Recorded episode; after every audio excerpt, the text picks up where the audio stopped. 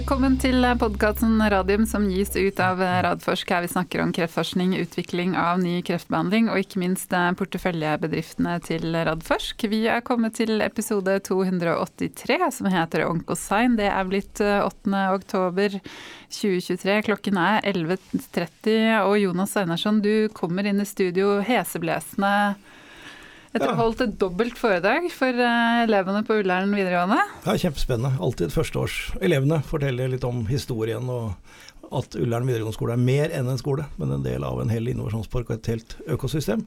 Så kan jeg bare si til lytteren da, at siden det er lønningsdag i dag, så vet jeg at det er 10. oktober og ikke 8. Oh, ja, 10. ja, der kan du se. Sånn går det når det både har vært uh, høstferie og sykdom uh, i heimen. Men dro du historien tilbake til Marie Curie? 1903 og radium? Starter med Madame Curie og hennes oppdagelse av radium i 1903, og så utviklingen med disse ildsjelene og det nye sykehuset kom i 32. Ja, hele historien. Ja. Men kan du da knytte, knytte, runden med en gang med at Ellen Gleditsch, eh, ja. nye jeg, jeg tilskuddet til protonsenteret er på plass? Jeg nevner alltid historien om Ellen Gleditsch, for hun var jo en fremragende forsker. Uh, her i Oslo, og hadde så inderlig lyst til å få lov til å komme og jobbe på laboratoriet til uh, Madame Curie. Uh, og hun fikk anbefalingsbrev og sendte dette inn, og så fikk hun tilbake fra, sier historien da i hvert fall, fra Madame Curie at hun var imponert over det Ellen hadde gjort, men det var rett og slett ikke mer plass i, i laboratoriet. Så da tok Ellen Gleders et bilde av seg selv med enten en annen person ved siden av, eller noe som viste høyden, mm. og så skrev hun tilbake Men jeg er så bitte liten, og det var hun. Hun var sånn 1,50 pluss minus, så jeg får plass. Og det falt Madame Curie for, så hun fikk lov til å jobbe på laboratoriet, og var kjempeviktig i å skaffe det første radiumisotopen til det norske Radiumhospitalet. Og da er det ingen slutta, som du sier nå, med at den nye syklotronen som nå ble plassert for to dager siden, den heter Ellen Gleditsch. Ja. Med det så blir det snart et protonsenter i Norge også, ja. om noen år.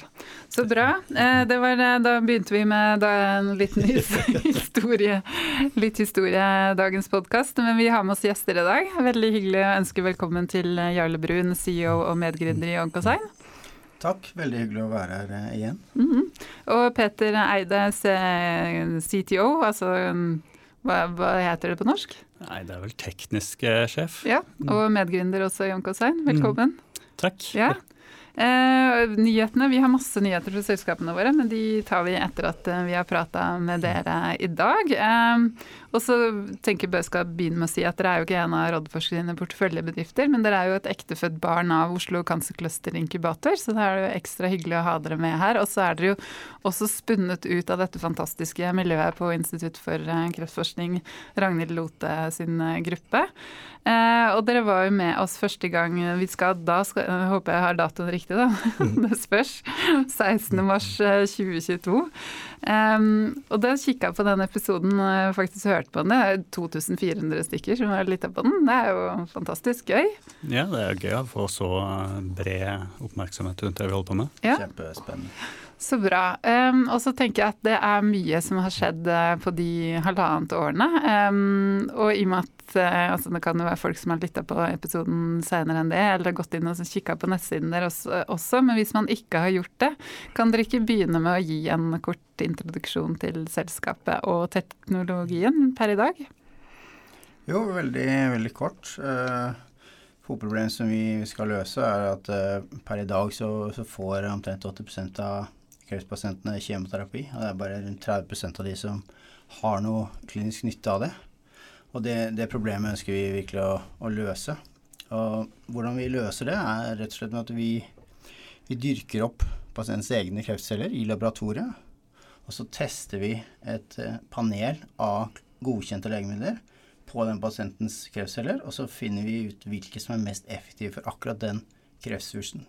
Og så lager vi en diagnostisk rapport som vi sender tilbake til behandlende lege, som kan bruke det til videre optimalisere behandling for akkurat den pasienten. Og det, det skal vi selge som et uh, serviceprodukt mm. til sykehus. Mm. Det er bra. Veldig spennende. Eh, hva er selska selskapets status per i dag? Nå er vi eh, tre ansatte som har jobbet beinhardt de siste to årene med å etablere, optimalisere og eh, i hele den tekniske plattformen vår. Eh, vi har gjennomført en eh, observasjonsstudie, en klinisk observasjonsstudie sammen med Akershus universitetssykehus. Sebastian Meltzer er principal investigator der. Det er et veldig godt samarbeid med dem. Og det er også et samarbeid der med Oslo universitetssykehus, Sebastian, Sebastien. og det er gjennomført den første fasen av den studien. og vi faktisk ekspandert den også, for det gikk veldig bra. hovedinnsikten der har bl.a. vært å etablere den tekniske plattformen vår, få det på plass. Det er nå på plass. Og så er det også for å utvikle CAR-TK kulturteknologi for pasientbehandling. Det mm. kan vi eventuelt snakke litt om uh, senere. Mm. Så um, nå har vi egen lab her på Oslo Cancer Cluster Incubator som uh, vi er klare for egentlig validering av neste kliniske studien. da. Vi har også fått funding av regionalt forskningsfond, uh, Norway Health Tech og Innovation Norway så var vi også nå veldig heldige eh, og fikk en veldig god vurdering av Eurostars eh, og fått funding nå eh, til å gjennomføre en klinisk valideringsstudie som starter nå tidlig neste år, hvor vi skal teste produktet vårt eh, med en intervensjonsbehandling. Også i samarbeid da med Akershus universitetssykehus. Ann Hansen Ree er principal investigator der. Mm.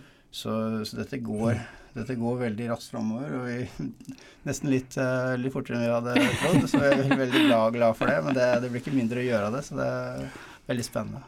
Nei, er, jeg syns det er kjempespennende. Uh, og det er jo ingen tvil om, uh, hvis det hadde vært innen legemidler fra mm, siden å kalle det for et unmet medical need, så er det i hvert fall unmet technical need, og for pasientene. For dette har jo vært et stort problem alltid med, med cellegift. Så liksom, jeg blir sånn Hvorfor har ikke noen gjort dette her før? Altså, det problemet har jo vært der i så mange år. Jeg kan jo si Konseptet er jo banalt. Man tester jo bare legemidler direkte på cellene. Problemet har vært å få disse cellene til å vokse i kultur. Eh, man har fått kreftceller til å vokse i kultur helt siden 50-tallet, men problemet er at det har tatt veldig lang tid. Og man har lykkes med svært få pasienter. Så la oss si at man bruker ett år da, og lykkes til kanskje én av ti pasienter. Så har man ikke Da har man ikke noen god metode? Nei, du kan ikke ha et diagnostisk eh, produkt basert på det. Men de modellene som man skapte basert på den teknologien, noen av dem jo, har jo kommet herfra også, de har jo vært veldig viktige i legemiddelutviklingen. Mm. Som der man de med populasjonsbaserte preklinisk utvikling. Mm. Og så Vi ønsker å ta dette tilbake, sånn at vi kan si noe om enkeltpasienter, hvordan de svarer på disse legemidlene. Mm. Så det er, det er, teknologien som er blackboxen deres, altså? Eh, ja, eh, dette er jo et gjennombrudd som har skjedd eh, i løpet av de siste 10-15 årene. Eh, der man har forstått hva disse cellene faktisk trenger for å vokse i kultur. Eh, og det er eh, det er litt forskjellig avhengig av hva slags type vev man jobber med. Mm. Vi jobber med tykk- og endetarmskreft, som der hvor det store gjennombruddet skjedde først. Eh, men én ting er bare å få det til å vokse. Eh, da har du på en måte bare løst eh, første delen av problemet. Du må få dette til å vokse raskt nok. Du gikk fra ett år, og vi skal helst ned til kanskje seks-sju uker. Og så skal du gjøre dette reproduserbart. Du skal gjøre målinger, laboratoriemålinger, så du er avhengig av å få denne teknologien til å fungere robust og bli veldig veldig presis. Eh, fordi, ja, det, det, er kanskje litt overraskende, men forskjellen mellom et legemiddel eh, eller jeg kan si det på en litt annen måte. Hvis du har et vanlig legemiddel, f.eks. 5-fluorurasil, eh, veldig mye brukt i kjemoterapi, så er, er, forskjellen i respons mellom modeller, og kanskje mellom pasienter, er ikke all verden. Det, det, terapeutiske vinduet er ikke så stort. Så for å på en måte gjøre dette her prediktivt, så må du ha veldig gode, presise målinger. Mm. Mm. Nettopp. Men, men, fra man eh, Bare sånn for å spørre litt sånn om, om, selve behandling, eller fra dere på en måte tar også får prøver da, kreftceller fra, fra, en pasient, til dere på en måte får levert den rapporten til legen, hvor lang tid bruker man da? Eller hvor lang tid vil dere ned på? Eller hva vil klinikerne at dere skal kunne gi dem? Nei, klinikerne er nok Kliniker ikke ville helst ha det i går. ja, De er nok ikke så utålmodige, for de har mye de skal gjøre med pasienten. Mm. Den sykdommen vi jobber med, eh, så er det jo etablerte linjer av behandling. Første linje, andre linje og så tredje linje. Da det begynner å bli veldig tynt med alternativ igjen. Så det vi skal gjøre, er å ta denne biopsien. Vi trenger tumormateriale. Den tar vi mellom eh, første og andre linje. Pasienten går på andrelinjesbehandling, og når de får tilbakefall, da, så trenger de noe nytt. Nettopp. Og, der, og, da er den på en måte klar? Da har vi mm. listen klar. Og det, for en enkelt pasient da, så kan det jo være at det er flere ulike legemidler legen kan velge mellom. Mm. Eller det kan være ett, eller det kan være ingen. Kreftcellene er ekstremt forskjellige når vi ser på dem i kultur, og det speiler jo oss det som onkologene og klinikerne ja. ser det var liksom oppfølgingsspørsmålet var mm. dette med heterogenitet. Mm. Og hvordan tar man biopsier? Hvordan takler man dette med heterogeniteten? Nei, som Elisabeth sa, så vi kommer jo fra miljøet på Institutt for kreftforskning hos Ragnhild Lothe. og Der gjorde vi en veldig stor studie. Vi fikk masse muligheter og fikk jobbe med masse bra teknologi. Og den, En av de første studiene der det var at vi så på forskjellen i respons mellom biopsier fra ulike lesjoner i leveren. Noen pasienter har jo ikke bare én svulst i leveren, de har kanskje to-tre, mm. noen har enda flere. Og Da målte vi forskjellen mellom disse. og det er Overraskende nok så var det ganske konsistent. Okay. Jeg tror ikke dette er universelt. Dette vil nok variere på sykdommer, og så kan det også variere for uh, innandringssykdommen. Mm. Men at det er et mulighetsvindu der, det er det ikke noe tvil om. Nei, jeg er jo helt enig med deg det at for, for kjemoterapi så er mm. ikke heterogeniteten betyr ikke så mye. Når det begynner å komme over på andre typer behandlinger. Mm. Da vil jo den mer målretta? Ja, mer, ja. mer målretta. Så vil mm. den være, være, med der. Og så har du jo selvfølgelig helt rett i at kjemoterapi flytter seg jo stadig vekk nå bakover i linjene. Mm. Så tidligere, altså, Det var en førstelinjebehandling, men det er kanskje den tredjelinjebehandling nå. Da får du det tidsvinduet som, du, som dere trenger. Ja, altså, viktig bare poeng akkurat til dette med heterogenitet. Så Altså, det er avdekka veldig, veldig mye genetisk heterogenitet. Men det som vi ser på, er den funksjonelle eh, aktiviteten. Eh, og den er ikke så heterogen. Og det er veldig viktig her, da. Og det, mm. det var det vi så med de ulike lesjonene vi testa, at den funksjonelle heterogeniteten var mye lavere enn den genetiske. Ja, hvis du ser på det genetiske, hvis du ser nøye nok, så finner mm. du forskjeller. Spørsmålet er hva som er viktig for pasienten mm. og for det kliniske vi holder på med. Ja, absolutt. Men det er en fin bro over til neste spørsmål også. fordi det foregår jo, altså for de med, med, altså med, kreft som har metastasert, så, så, har man jo også en mulighet for å gjøre da gentesting og, og på en måte predikere muligheter der. Si litt om den teknologien sammenlignet med deres teknologi. Så ser dere på dere som et sånn komple komplementær teknologi? Jeg, jeg, vil si at vi er definitivt komplementære. Eh, Gensekvensering kommer til å ha masse å si for pasienter fremover. Det har allerede man ser gode resultater f.eks. i IMPTS-studien. Det er noen ting eh, den teknologien ikke kan svare på, f.eks. cellegift. Det er ingen prediktiv verdi i disse gentestene, i hvert fall per i dag, når det gjelder cellegift. Og er, jeg lurer på om det er 150 ulike typer cellegifter å velge mellom, som vi kan teste for å kunne velge ut riktig cellegift til pasienten. Ja, det er det første. Og det andre er at når man gjør disse genetiske testene, så er det ikke alle pasienter som har genetiske endringer som man kan agere på.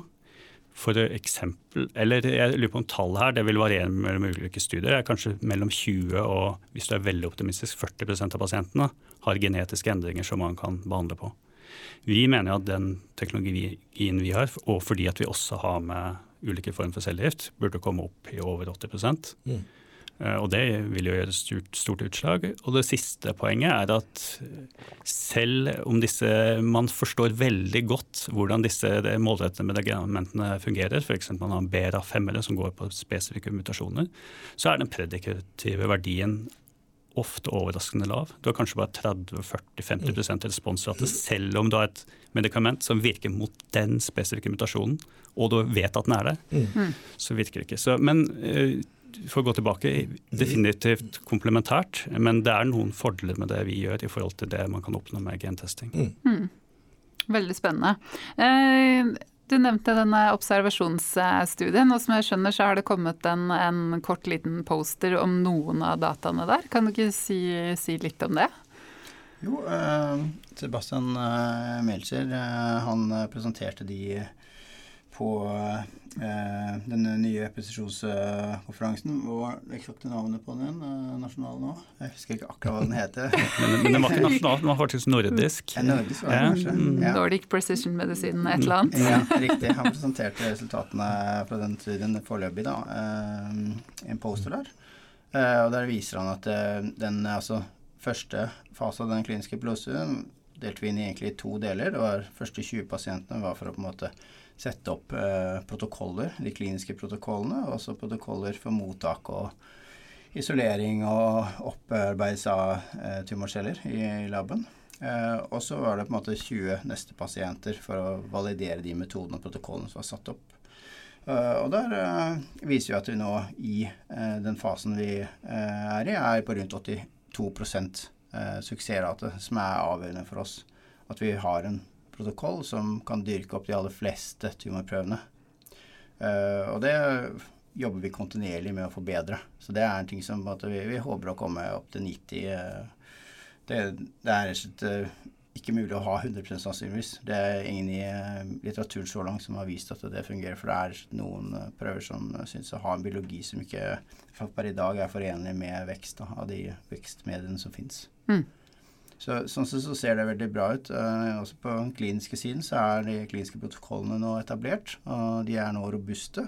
Vi lærte mye underveis, det må bare sies. Uh, det var noen, noen, prøver som på en måte vi ikke fikk, eller som ikke hadde like godt uh, kvalitet som vi hadde håpa på. Og så har vi optimalisert og iterert og forbedret protokollene og kommunikasjon på det. fordi for at vi skal lykkes med den type individdiagnostikk, så er det helt avgjørende at vi har en god dialog for, med klinikerne og forstå også deres behov. Det er bare helt avgjørende. Vi må forstå hva de trenger. Mm. Uh, og det er det vi på en måte har jobbet kontinuerlig uh, med her, da. Mm. Så det, det, det, ser, det, ser, veldig lovende ut. Og vi har utvida den uh, studien da med nye 40 pasienter. Ja. Så det, det går, ruller og går. Mm. Og hva, hva, er liksom formålet med en sånn type observasjonsstudie? Hva, dere, hva, måte, når, hva slags resultat uh, er dere fornøyd med der? Ja, eh, Nå genererer vi jo egentlig de vitenskapelige dataene på det. Dette skal jo munne ut i forhåpentligvis eh, flere studier. Eh, vi, vi, publiserer forhåpentligvis en studie neste år hvor vi gjør en farmakologisk profilering av alle disse pasientprøvene. Um, og også publiserer kvalitetsdata på vår plattform som viser at den er godt innenfor industrielle standarder. Mm. For det er avgjørende. Uh, I tillegg så har vi et uh, prosjekt med Sebastian Welchi på uh, avdeling for celleterapi. Og vi skal også utvikle en kokulturmetode for å predikere respons uh, med CAR-T-celleterapi. Mm. Og Der har vi satt opp teknologien, og metoden er, er klar. og det, det, prosjektet kommer også til å mm. bevege seg framover. Ja, kjempespennende, da. Veldig viktig, viktig del. Det, ja, noe som er liksom midt i kjernen til eh, Radforsk og immunterapidelen. Ja, mm. ja, det er superspennende. Så det er også en ting med teknologien som vi håper å være med på å utvikle i fremtiden. Det er det med kokultur og ta inn immunceller, andre celler fra tumormikromiljø som fibroblaster og sånn for å da kan vi også predikere eh, respons på immunterapi. Mm. Så bra. Ja, For den prediksjonen der er dårlig per i dag. Ja, den, den skulle vært bedre. kan dere ikke si litt om patentsituasjonen? Eh, jo, vi begynte jo i 2021. Vi kom som eh, ganske dedikerte forskere og skulle prøve å finne ut av om vi kunne lage et produkt etter dette. Og der er det to ting. Det ene er jo hva er det man har selv? Og det andre er hva andre har som gjør at du ikke kan få lov til å gjøre det du ønsker. Så vi brukte ganske mye tid på å sette oss inn i eksisterende IP. Og eh, utvikle egen IP. Fordi det var på en måte en prosess som gikk liksom hånd i hanske. Hva er det andre har, og hvor ser vi muligheter her? Så der hvor vi eh, har sendt inn eh, patent, er på denne metoden vi bruker for å dyrke disse cellene på.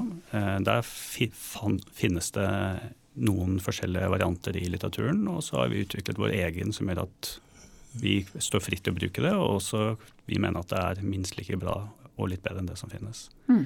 Og det med å Dyrkingen er en veldig veldig sentral del av teknologien. Mm. Få dette her til å gro, og så få målt det riktig. Så bra. Mm. Det er viktig å ha en god, eh, godt, eh, god patentbeskyttelse innenfor det segmentet vi eh, jobber med.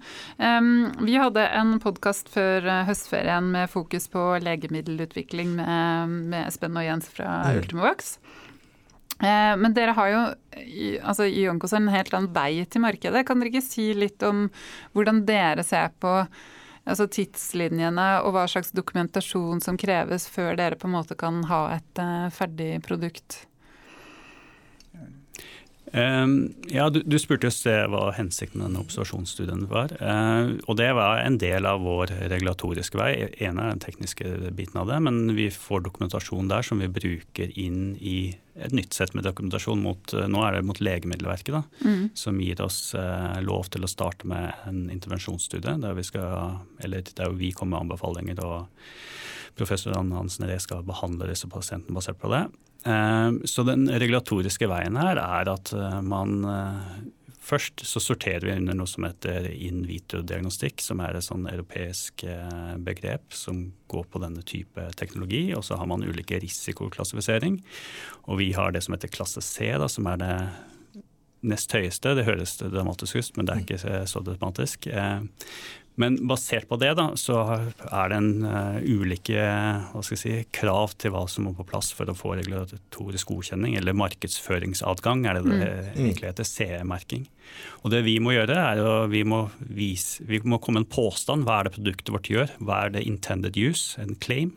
Og så må vi gjøre en sånn clinical performance study, eller en valideringsstudie, som viser at vi faktisk leverer på den påstanden. da. Og det er det som starter etter jul, og da på en måte skaffer vi dokumentasjon som vi kan bruke til å søke om markedsføringsadgang. Mm.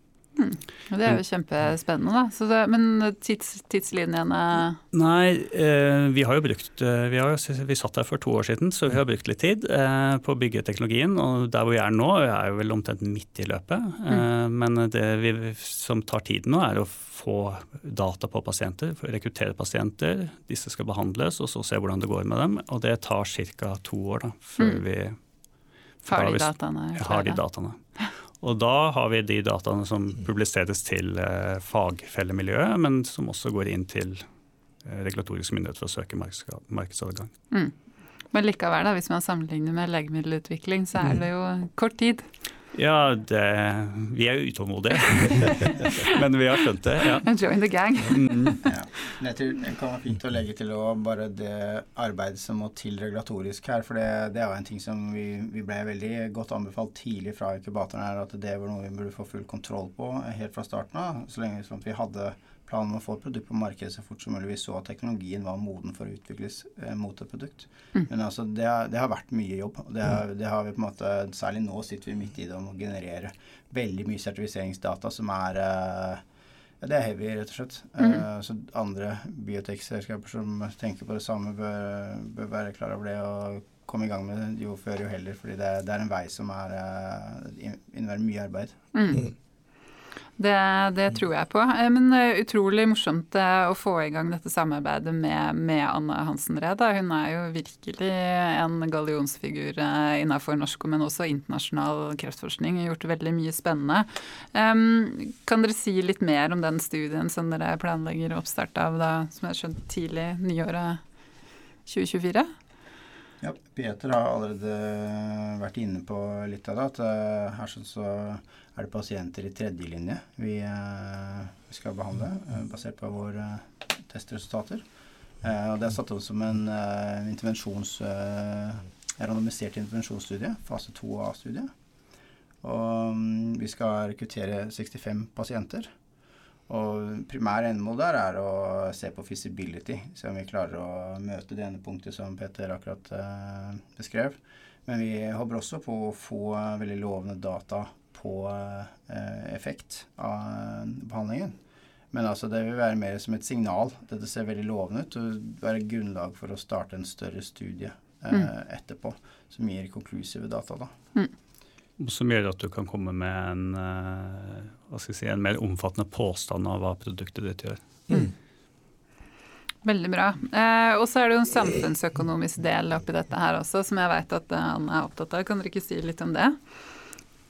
Jo, det er jo noe hun har spilt inn helt fra starten av når vi har eh, diskutert dette prosjektet. og Måten man setter opp prosjektet er jo gjerne at man skriver prosjektsøknader og søker om penger. og Det er jo det vært en, en, en viktig arbeidspakke. Eh, vi mener jo at eh, dette her skal være samfunnsøkonomisk Eh, bærekraftig. Mm. Eh, men vi bringer jo et nytt ledd av kompleksitet inn i behandlingen. Enda en ting som skal kjøpes inn, så da må jo det vi leverer der redusere kostnadene et annet sted. Og det viktigste stedet der er jo å få ned antall, antall pasienter som går på behandling som det ikke er noe nytte av. Mm. Ekstremt kostbart, og også forferdelig bortkastet. Det er direkte kostbart, fordi at sykehusene må jo behandle disse sideeffektene ofte. Og ja. Mm. Et annet poeng, bare for å spille kort inn. Eh, teknologien kan jo vurdere alle mulige kjemoterapier her. Og det er også de rimeligste legemidlene, typisk. Mm. Til forskjell fra eh, genomikk, som ofte anbefaler målretta legemidler som er ekstremt dyre. Mm. Så der også vil det være mulig å velge behandling som er veldig tilgjengelig og rimelig. Mm. Og det gjør det også internasjonalt og veldig mye mer altså, potensial for å spre det til flere markeder. Da, mm. flere land. Ja, jeg tenker at Det, altså, det samfunnsøkonomiske er jeg helt enig i. Uh, er, problemet er alltid er det den samme som sparer penger som betaler penger. Mm. Den, den, den, den, er vi vant til. Uh, men, men uh, det går an å argumentere for. Men den andre biten av det er jo pasienten. Altså, og, ikke bare pasienten, men også legen. Som sitter der i tredje linje. Mm. Det, vi har noe tilgjengelig medisin her. Det kan du få, men jeg er ikke sikker på at det virker. Ja, men kan det virke, da? Ja, det kan kanskje virke. Så er det mange pasienter som til og med tar den avgjørelsen og sier at ja, men da tar jeg det fordi mine pårørende skal vite at jeg har prøvd alt. Mm. Mm. Og som kanskje, hvis jeg hadde da fått vite at ja, det er altså veldig litt sannsynlig, så kunne den pasienten kanskje fått det bedre, ikke sluppet, sluppet disse voldsomme bivirkningene, og du hadde kunnet fjerne litt av det. Gjøre det etiske dilemmaet både for behandler og pasient lettere. Så jeg syns dette har mye bredere enn bare det økonomiske. Mm. Det er et veldig viktig poeng det du tar opp der, at uh, metoden vil også kunne fortelle hva som ikke fungerer for en pasient. Ja. Det, det har mye livskvalitet i det òg. Ikke sant. Absolutt. Også spesielt i en sånn type situasjon som du sier, at man allerede har prøvd prøvd så mye, da, og på en mm. måte ikke har så mange valgmuligheter igjen, men får på en måte en, en, en rapport som viser valgmulighetene eller ikke valgmuligheter. Det er jo noe man kan slå seg til ro med. Um, helt til slutt må vi snakke litt om uh, finansiering. Det er jo altså biotek uh, Vet ikke Jonas bare rister på hodet, for det, for det Ja, det er men vi må prate om det. Vi må prate om det som er vondt og vanskelig ja. også i denne ja. podkasten. Men, men, der så har jeg skjønt at uh, dere har, en litt, uh, har, faktisk en litt annen stilling der enn en mange andre. Dere har jo, som du også ramset opp, Jarl, allerede fått inn en del finansiering. Og, men dere trenger litt til, så si, si litt om det. Ja, jeg vet ikke, Vil du si egentlig noen ord? Ja, eh, vi eh, har eh, Vi, har, vi henta inn eksterne investorer omtrent da vi hadde postkast her sist gang. Og vi er i en ny finansieringsrunde nå, så dette blir den andre finansieringsrunden vi gjør. Det er et stor forskjell på det vi gjør og legemiddelutvikling. ene er tiden. Det andre er kostnadene. Mm. Det er et ja, jeg tror man ofte kan ta bort en null med det vi jobber med. Det er mye penger fremdeles, eh, men det tror jeg gjør at vi eh, i det markedet som er nå, så er det lettere å hente inn mindre beløp i en tidligere fase enn å finansiere opp voldsomme summer for, eh, for et langt løp. Mm. Ja, så vi skal hente inn penger nå, og målet er å lukke en runde før utgangen av februar neste år. Men vi har, vi har, eh, de investorene vi allerede har inne, de skal være med på en runde til. Og vi har eh, hatt eh, veldig positive møter nå. Ikke, vi har ikke signert en kontrakt, men det er ganske ja, vi er håpefulle. Eller vi tror at dette her skal gå, gå greit. Det er veldig godt å høre. Det er sånne nyheter vi liker å høre. Både om selskaper innenfor det segmentet her, men også innenfor eh, finansieringen. Mm. Bare sånn kort oppsummert for, for lytterne våre. Hva skal de ta med seg eh, ta med seg videre, han dere? det, så- nå må dere ikke være beskjedne. Ta på dere en ting- en ting som, hatt her. eh, Jeg gjerne vil uh, si for de som lytter, er vi, vi ønsker å ansette eh, to til i løpet av 2024. Mhm. Så vi, uh, vi starter uh, intervjuprosesser eh, nå fremover og leter etter dedikerte mennesker som virkelig har lyst til å satse hardt på å hjelpe oss med å realisere den visjonen vi har. Mhm. Eh, vi ønsker å bli et større, dedikert eh, team. Vi har det kjempebra nå, men vi, vi trenger flere hender for å gjøre, gjøre det. Vi ønsker å bygge industri. Vi trenger, eh, vi trenger ressursene til å gjøre det. det nå er det veldig voldsomme dager på, på laben, og det kommer til å være en periode til. Men uh, vi trenger flere for at det skal bli, bli bedre. Mm, Så bra. Så, og da kan man ta kontakt med dere, og da, det finner man på nettsiden. Følg med på nettsiden vår. Ja. Eh, vi kommer til å legge ut en utlysning der i, ja, i løpet av de nærmeste ukene. Og det samme gjelder potensielle investorer som har en mulighet til å komme inn nå tidlig. Det er alltid lurt. kontakt, Ta tar vi et møte og diskuterer muligheter. muligheter. Så bra. Har du noe Nei, jeg er imponert. Jeg, altså, det har jo ikke vært de enkleste tider de siste, siden dere var her sist, for å si det forsiktig. Så jeg er imponert over hvor langt dere har, eh, har kommet. Eh, og med, med det løpet dere har lagt, så er det, bør dette absolutt være gjennomførbart å få testa ut. Mm. Og så er det som vi pleier å si i podkasten her, altså, It's all in the data? it's all in the data. Så vi venter og ser på det. Det er helt sant. Ja. Vi, vi har hatt veldig mye god hjelp fra inkubatoren her. Veldig veldig flinke folk med det riktige nettverket i forhold til eh, de blindsonene en, eh, ja, en typisk kreftforsker kanskje har da, i forhold til et sånt kommersialiseringsløp. mm, det er bra å høre. Da fungerer det som en inkubator, da. Mm. Det er hyggelig å høre. Mm. Men da har dere stående invitasjon også til å komme tilbake når, når da dataene har kommet. Så da lykke til videre med oppstart av studiet og hente inn finanser. Tusen takk. takk.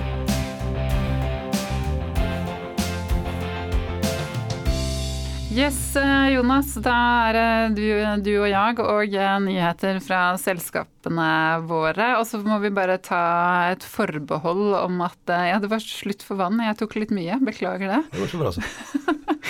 Bare ta et forbehold om at vi har fått med oss alt. Ja. Fordi plutselig så var det et rush i innboksen, og så skulle jeg gå tilbake til siden sist du var her, og det var også en stund. Så men, eh, men eh, vi satser på det, og hvis det er noen som savner noe, så får de heller eh, rope ut, så får vi ta det med neste uke. Vi kan begynne med Ultimovax, for da er det da Da blei det, som alle trodde, at dataene fra NIPE-studien i mesoteliom da blir presentert på Esmo i Madrid, eh, og det er hovedutprøver på studien og lungekreftoverlege og professor Åslaug Helland som skal presentere de. Eh, Det blir lørdag 21. oktober 1515.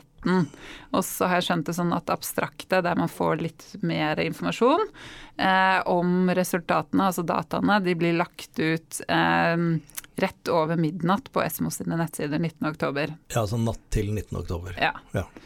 Um, så det er jo fantastisk. Ja, det er eh, kjempespennende. Ja. Uh, virkelig. Og eh, du tar også med den, den siste nyheten da, med, med at vi fikk en eh, orphan drug designation, som Ja. jo kom i eh, går. Og det er også spennende. Uh, og jeg tenker litt sånn tilbake til de store diskusjonene vi har hatt rundt NIPO-studien, eh, og det faktum at vi ikke nådde det primære endepunktet eh, i den sentrale reviewen. Eh, men eh, det jeg gikk litt tilbake og hørte sjøl, og det jeg sa den gangen, var at hør på hva Åslaug Helland sier. Ja. Og jeg tror jeg står fast ved det. At disse dataene eh, er da, slik hun da har lagt det frem for Esmo, eh, vurdert gode nok Mm. til å få et eh, late breaking abstract og en, eh, en muntlig presentasjon. Og Det betyr jo at de fagfellene og Esmo som har vurdert dette, mener at det er såpass spennende data at det fortjener å komme i den kategorien. Og Så får Mm. vi se hvor gode de blir. Eh, Og i tillegg til det så har altså da eh, managementet i Utenbox med dog begrenset eh, tilgang til data, men noe mer enn det vi vet, eh, møtt FDA og lagt dette frem. Og FDA har da funnet at dette er spennende nok til å gi en orphan drug designation. Nå er ikke det det største og tyngste gjennombruddet, å få en orphan drug designation, men poenget er at den er kommet på vegne av og etter de dataene som ble lagt frem, så det må jo ha vært noe der Ja. som FDA har sett. Det nye kan jo tyde på det, og vi kan jo bare sitere også Geir Hiller Holom, DNB-analytiker, som vi har med oss ofte her i podkasten. For han skriver jo da i en, i en, børsanalyse nettopp av disse nyhetene at man tror jo da at grunnen til at man får den presentasjonen man gjør på Esmo, er jo fordi man tror at de første overlevelsesdataene vil være overbevisende, altså overbevisende. Eh, og så er det da altså overlevelsesdataene som er jo på en måte gull, gullstandarden når man ser på, på, effekt av en ny behandling. Ja, Geir, Geir, er analytiker og får lov til å tro det. Ja. Jeg, jeg må foreløpig håpe. Du er, eh, for å ta disclaimeren som sikkert alle har hørt, du er styreleder, så du eh, du må ta den. Eh, og så har vi også invitert med Åslaug som gjest her i podkasten, så hun kommer da 31. oktober, som alle som har barn vet er halloween. Nettopp.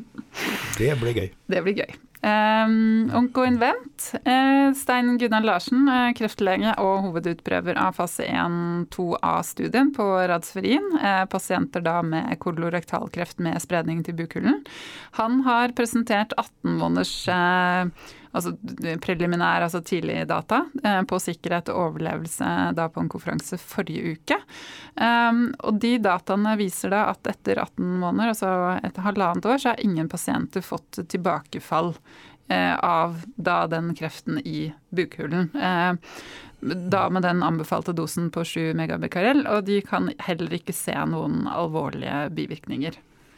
Det er utrolig spennende ja, for data. det skulle jeg spørre deg om. Altså hvor, nå har ikke jeg noe historiske data um, å tenke på, men altså de med, det at man da etter halvannet år, det er lenge, ja. ikke ser noe på en måte tilbakefall, er ikke det ganske utrolig?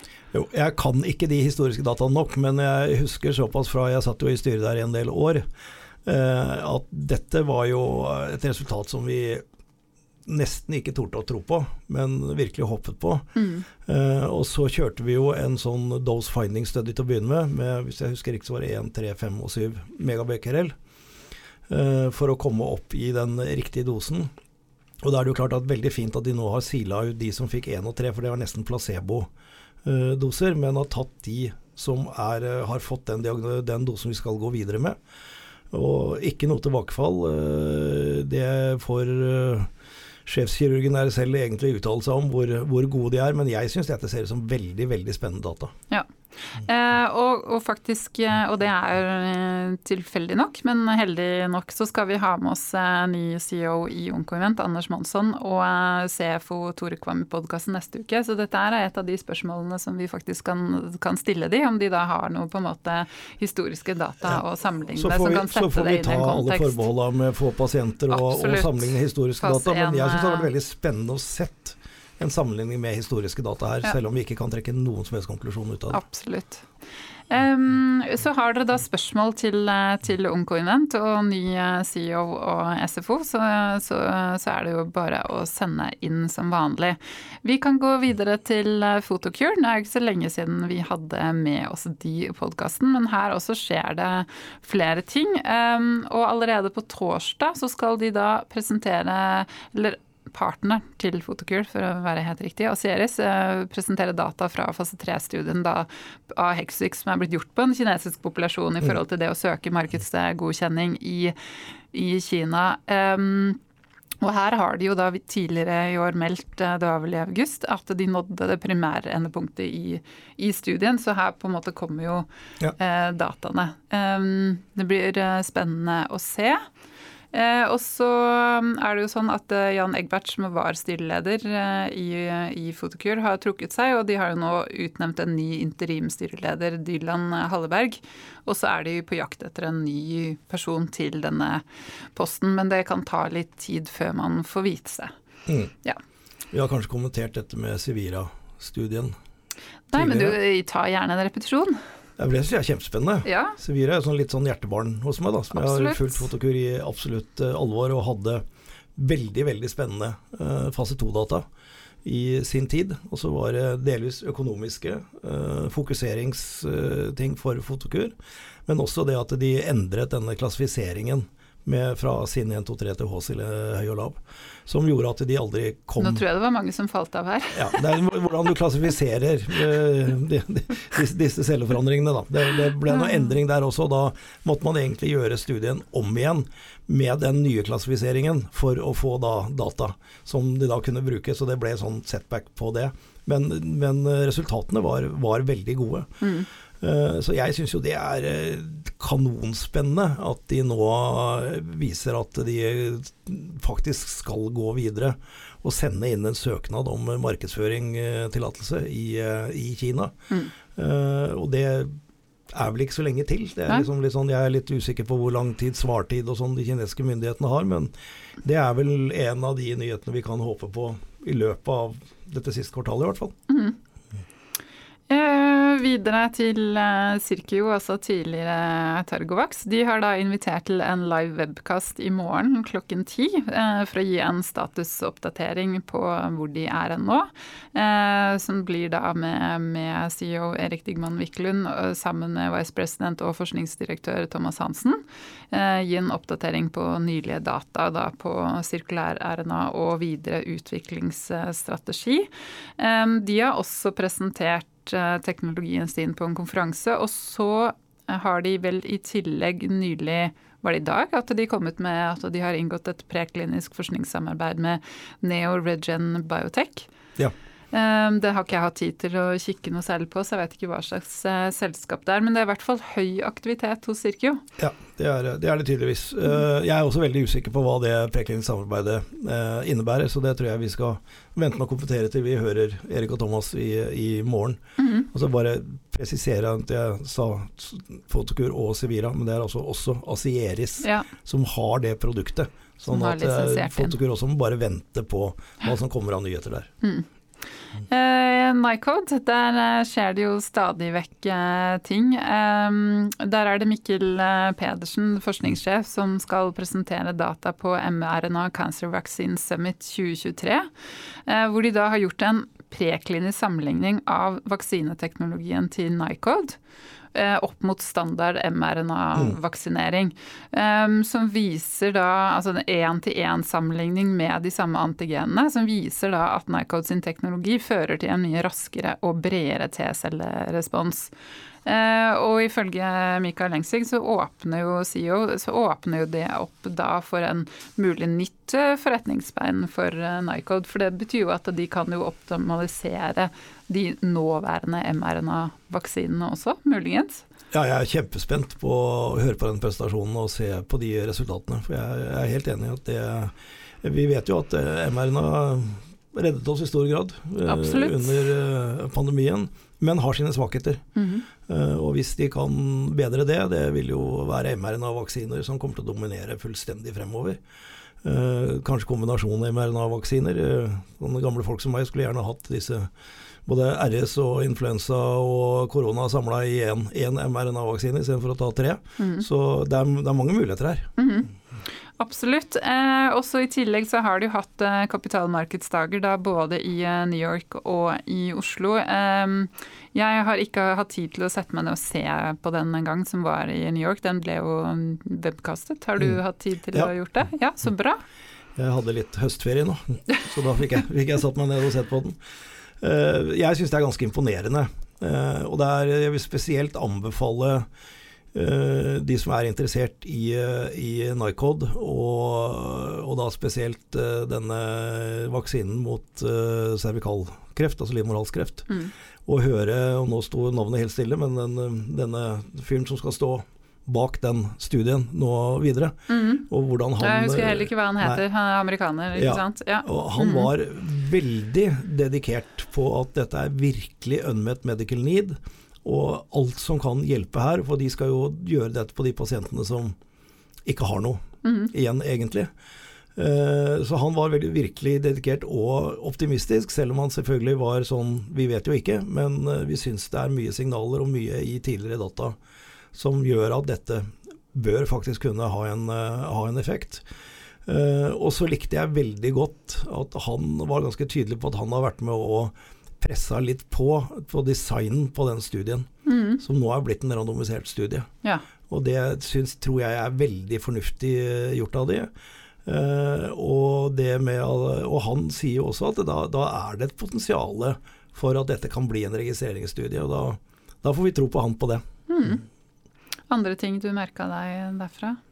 Det var jo masse, masse spennende eh, nye data, og det, du må liksom sette deg enda mer ned og gå inn i det. Det er eh, stadig nye områder, og autoimmundelen syns jo jeg også er, eh, er kjempespennende. Mm. Så jeg er imponert over det drivet de, de har. Mm. Vi skal snart eh, ha med oss eh, Agnete og Mikael i podkasten også, så hvis det er noen som har spørsmål, så kan de jo sette seg ned og se på, se på kapitalmarkedsdagen eh, og så sende, sende oss spørsmål. Så har det vært framlagt et statsbudsjett. De har det. Ja, på, på, på fredag. Det er liksom sånn eh, take out the trash day, som man kaller det innafor politikken, eller hvis man har noe på en måte man ikke vil ha oppmerksomhet om. Og i høstferien, men nå tror jeg ikke de helt lyktes, eh, lyktes med det. Altså Statsbudsjettet får jo uansett eh, oppmerksomhet. Men ja, ut fra hva jeg har kikka på av hva våre samarbeidspartnere Kreftforeningen, LMI, Oslo Cancer Cluster har lagt frem der, og ut fra hva jeg har sett selv i mediene, så var det ikke noe sånn voldsomt å rope hurra for innafor vår eh, bransje. Nei, det var ikke det. Det var ikke noe sånn nå skal vi følge opp veikartet for uh, helsenæring og setter av midler. Uh, det var uh, vel to dager siden, eller hva det var. Vestre kom med sine 200 millioner i en såkalt gründerpakke. Det er Mhm. fint. Altså Investinor får jeg tror det var 150. og Ja, men de fikk 8 millioner mer enn før. Så det var ikke noe sånn voldsom økning til eh, Investinor, tror jeg. Ja, den gründerpakken ble lagt fram som om det var Ja, ok. friske, friske midler til, Ja. del, til For det der er alltid, det må jeg bare bemerke, det der er alltid vanskelig å vite med statsbudsjettet. Hva er det som egentlig ligger der, som alltid ligger der, som på en måte er, skyldes en satsing som er flere år tilbake, og hva er faktisk nytt? Hva er faktisk en ny idé? Sant nok. Det sant er, nok. må du nesten ha en doktorgrad ja. innafor Nei ja, men eh, gul sånn opps oppsummeringsmessig, det var ikke noe eh, Det vil si sånn som uh, egentlig hovedinntrykket er av hele budsjettet. Det er et ganske sånn nøytralt budsjett. Ikke noe Mm. sånn voldsomme negative ting, og, men heller ikke noen sånne store satsinger. Nei, og det som jeg også syns var liksom sånn der eh, som, som vi på en måte håpet fra Arendalsuka, da, i hvert fall at denne arbeidsavgiften for de eh, ansatte mm, altså med lønninger over 750 000, eh, det er en typisk sånn arbeid, doblet, den doblede arbeidsavgiveravgiften som ble lagt på der for noen år siden. eh, Altså, den er så til hinder for disse selskapene, altså ikke bare våre innenfor helsenæringen, men for alle gründerselskap. Altså, det er en sånn, øh, og der sa de jo under Arendalsuka, trodde vi, at nå skulle den bare bort. Og så flytter de den bare til å gjelde de som har 850 000. Sånn at hvem er det de egentlig ikke lenger på en måte rammer der? Samtidig som de sier at den skal bort, så det blir det sånn derre, ja men kunne dere ikke bare tatt den bort? Ja, nei, det, var, det var en skuffelse. Og så kommer den daværende, eh, nåværende regjering eh, ikke til å gjøre noen ting med disse andre innspillene våre om eh, formuesskatt og, og opsjonsbeskatning. Så Ja. det, det, det blir som det er. Ja, det, det gjør det. Eh, syklotronen Ellen Gladitsch tok vi, eh, tok vi til begynnelsen i dag. Det er veldig spennende å se den. Det ligger noen videoer ute, både histen og pisten, for de som skal se. Og når jeg kjørte forbi i stad, så så jeg den største monsterkrana jeg noensinne har sett. For den veier, altså den syklotronen veier jo helt ekstremt mye. 100 tonn. Ja, ikke sant. Så da kan du ikke ha noe sånn der vanlig, vanlig kranstativ. Ehm, og så er jo jeg, og det er sikkert du også, da, litt spent på hva som skjer med byrådsforhandlingene i Oslo. Hva, hva, da vet jeg at du følger med nøyere på meg, det er nei. Hva er siste nytt? Nei, det siste jeg har uh, hørt er jo Eller det som er nå, er jo at de er i sluttforhandlingene med byrådsplattformen Mhm. mellom Høyre og Venstre. Ja. Uh, og så knytter det seg litt spenning til Legger de frem en byrådsplattform, de to partiene, eh, bare, eller legger de det frem med en eller annen form for samarbeidsavtale med Frp og eller KrF. Mm. Det er liksom det som knytter seg litt, litt spenning til. Men at Eirik Lahr Solberg blir ny byrådsleder, kan jeg vanskelig se noe annet. Det er 15 dager til de skal, skal inn i, i kontorene. Og for, for, meg og oss her på Kamp Framstallet så, så, er det faktisk veldig viktig at vi nå får et byråd som er nærings- og forskningsvennlig, mm. som jeg dessverre ikke kan si om det forrige. Nei. Nei, men da får vi følge med. 15 dager, det er mye man rekker å forhandle ferdig på den tida. Får håpe det. Ja. Eh, neste uke, som sagt, eh, har vi med oss eh, Onkoinvent, så bare å sende inn spørsmål eh, til de, og så høres vi igjen da. Flott, takk for i dag.